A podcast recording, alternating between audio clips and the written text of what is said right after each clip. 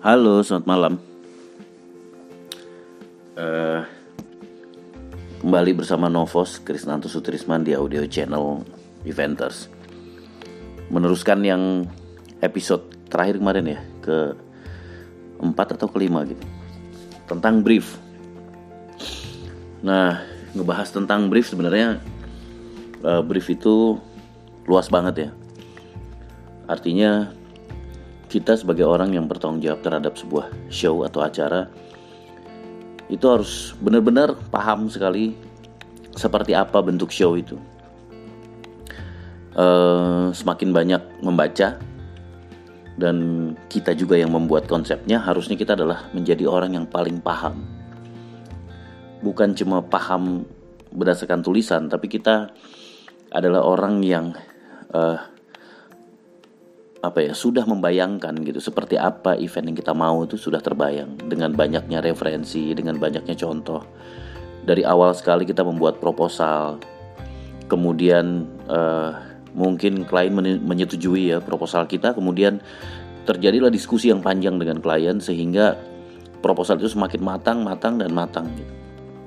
nah begitu kita masuk di tahap persiapan which is adalah melakukan briefing harusnya kita sudah sangat mengenal event ini. Maksud dan tujuan, pesan di balik event ini apa, target event ini apa, audiensnya siapa, suasananya seperti apa. Itu harus sudah mulai terbayang di kepala kita.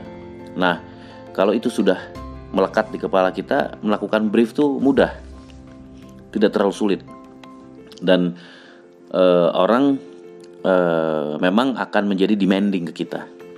Orang akan tergantung sekali sama kita kita harus bisa menularkan sebanyak mungkin apa yang kita paham dengan konsep tersebut sehingga orang boleh demanding kepada kita lebih kepada uh, bagaimana perintah-perintah event atau menjaga urutan event.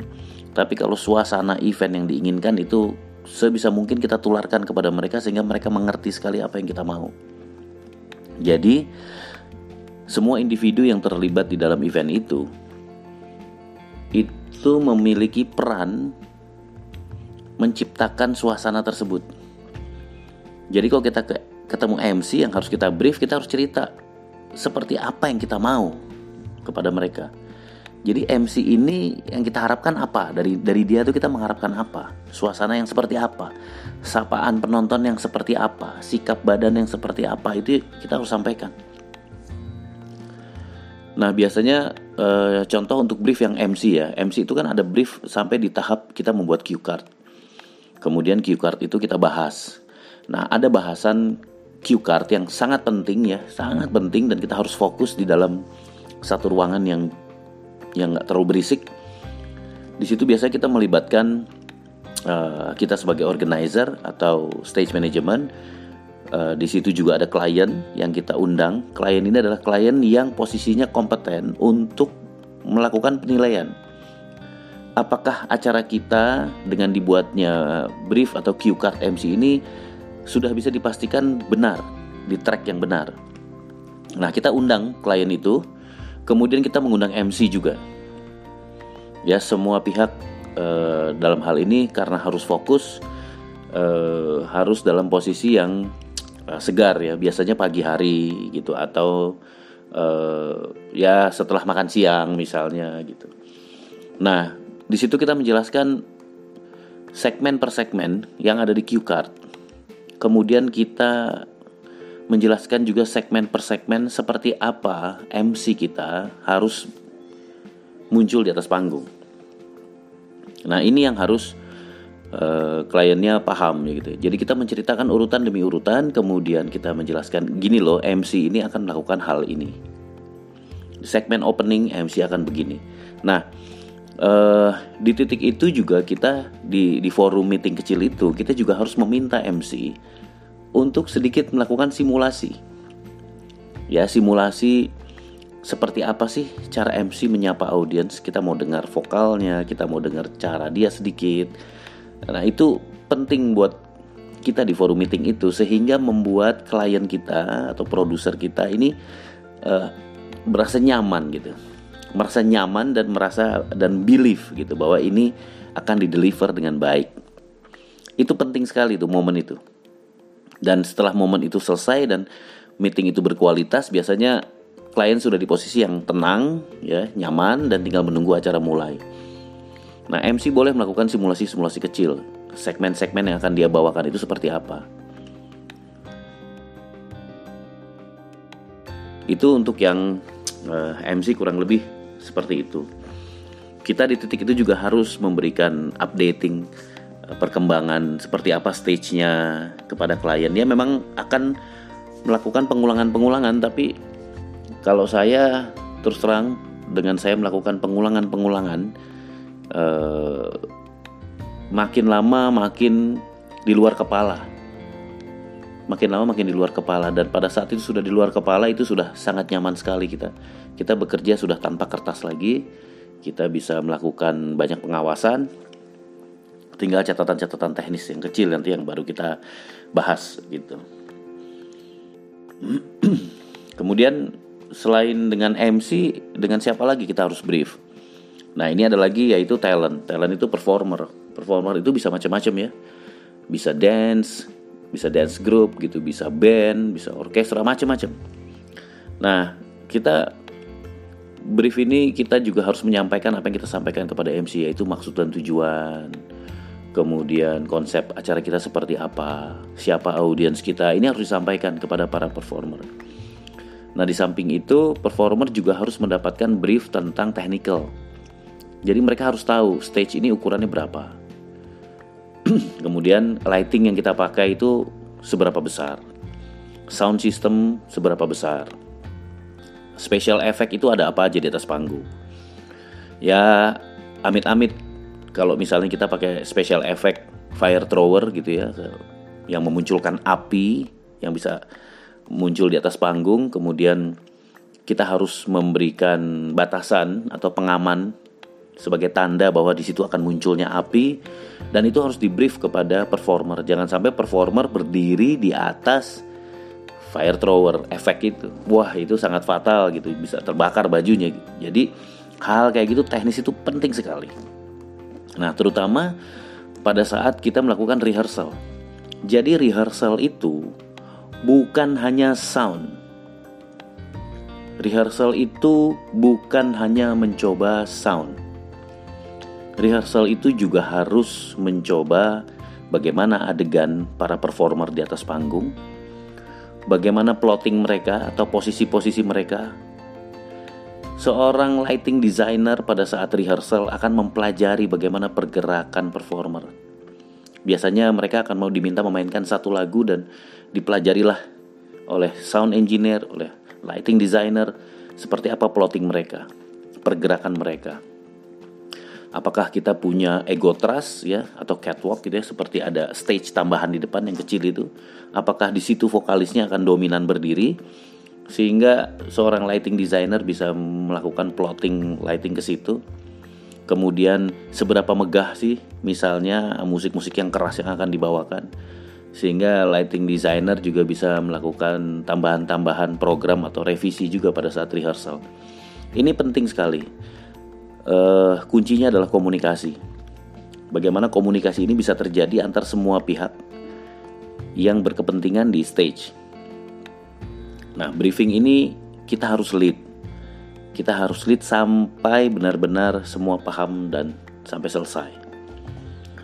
Nah, kemudian uh, masih dalam rangkaian brief ya, ada yang disebut dengan uh, eh, MC rehearsal. MC rehearsal itu adalah kegiatan percobaan urutan pemunculan MC di atas panggung, tapi dilakukan tanpa materi lain, tanpa performer lain. Jadi hanya MC saja. Jadi MC melakukan opening, kita sebagai stage manager akan menjelaskan, oke, okay, uh, eh, MC bersiap dan ini biasanya saya kalau menjadi stage manager itu tidak menggunakan HT, tapi saya menggunakan mikrofon sehingga semua orang pada saat rehearsal itu mendengarkan, tahu seperti apa sequence yang diinginkan.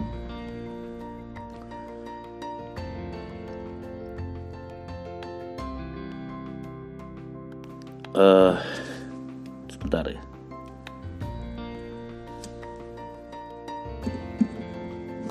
Sebentar, sebentar, sorry, sorry. lihat handphone dulu ya masih aman nah kurang kurang lebih seperti itu. Jadi uh, akan orang semua harus tahu bagaimana rehearsal dilakukan. Sehingga orang juga mulai meraba dan akhirnya mengerti oh seperti ini urutannya. Nah MC pada saat dia MC rehearsal tanpa performer yang lain itu penting sekali karena di situlah urutan kelihatan. Dan MC harus megang banget pada saat itu. Sehingga kita believe sama dia dan bisa melepaskan uh, apa namanya uh, melepaskan sedikit konsep yang masih ada di dalam diri kita nih kepada MC karena MC leading. MC lah yang menguasai jalan cerita dari panggung itu. Jadi MC harus senyaman mungkin dia mempelajari luasnya panggung. Nah, itu tadi balik ke MC ya. Kemudian balik lagi ke performer ya. Itu tadi performer technical dia juga harus paham nah, seperti apa teknikal yang kita siapkan. Jadi rehearsalnya band tuh tidak melulu ngurusin uh, sound system. Waduh kalau dalam waktu sejam cuma ngurusin sound system konsep kita juga nanti bisa berantakan. Jadi mereka harus sangat mengerti bagaimana uh, technical-technical yang kita punya mendukung acara tersebut. Sequence by sequence seperti apa. Kita bisa menjelaskan misalnya uh, koordinasi antara performer dan lighting. Biasanya pada band itu terakhir kita ada kayak apa loop drum gitu ya. Kita endingnya sebuah lagu. Kita pengennya begitu drum ketukan terakhir dipukul itu sebagai puncak dari lagu lighting itu bersama-sama lightingnya blackout.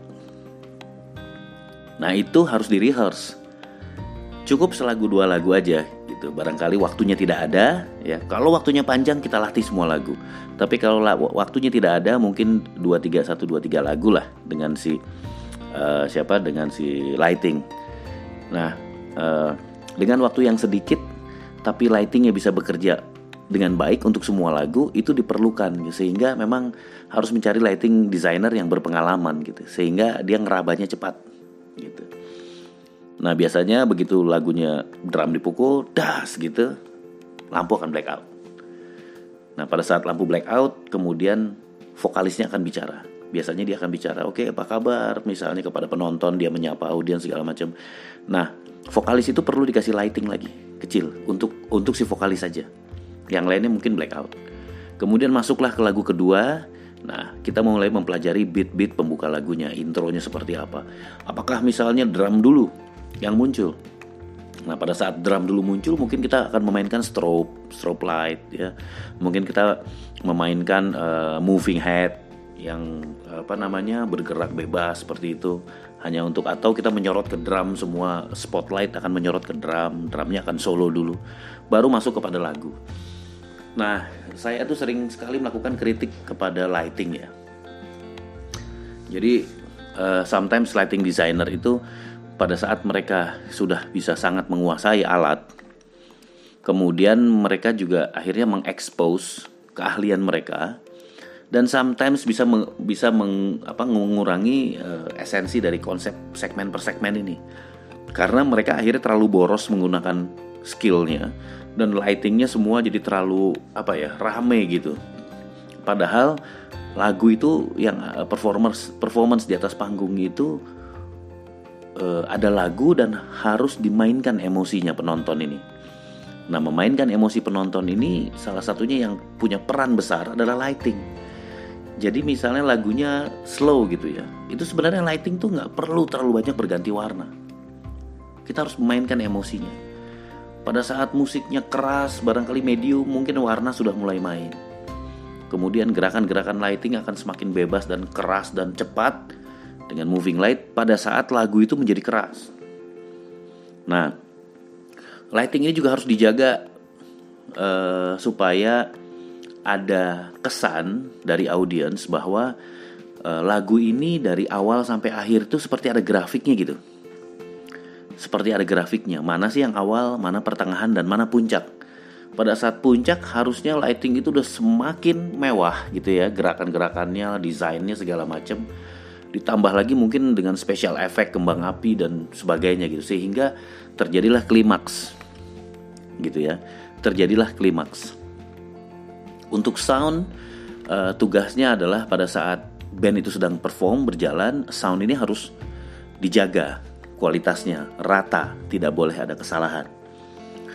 Pada performer yang menggunakan mic mikrofon yang cukup banyak, kadang-kadang juga terjadi feedback atau uh, kesulitan menentukan mikrofon mana yang dipakai. Jadi itu di mixer itu suka bingung gitu ya. Nah, inilah pentingnya rehearsal.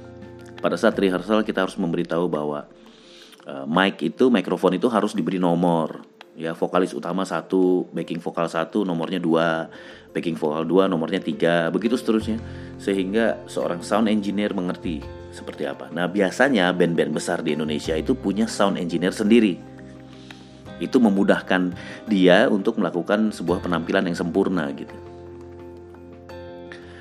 Nah itu bagian dari brief. Uh, mungkin nanti yang episode berikutnya ada lagi, masih ada uh, beberapa bagian tentang brief. Jadi jangan remehkan brief, jangan remehkan keperluan uh, tempat yang saya tadi bilang bahwa harus fokus dan tenang. Jangan diremehkan itu, carilah tempat yang terbaik. Kemudian biasakan kita membawa satu asisten dari stage management, satu atau dua, untuk mencatat. Karena pada saat brief akan terjadi banyak sekali catatan-catatan, masukan-masukan, insight-insight dari uh, apa namanya para pelaku event yang kita ajak bekerja sama. Kurang lebih seperti itu. Tetap semangat.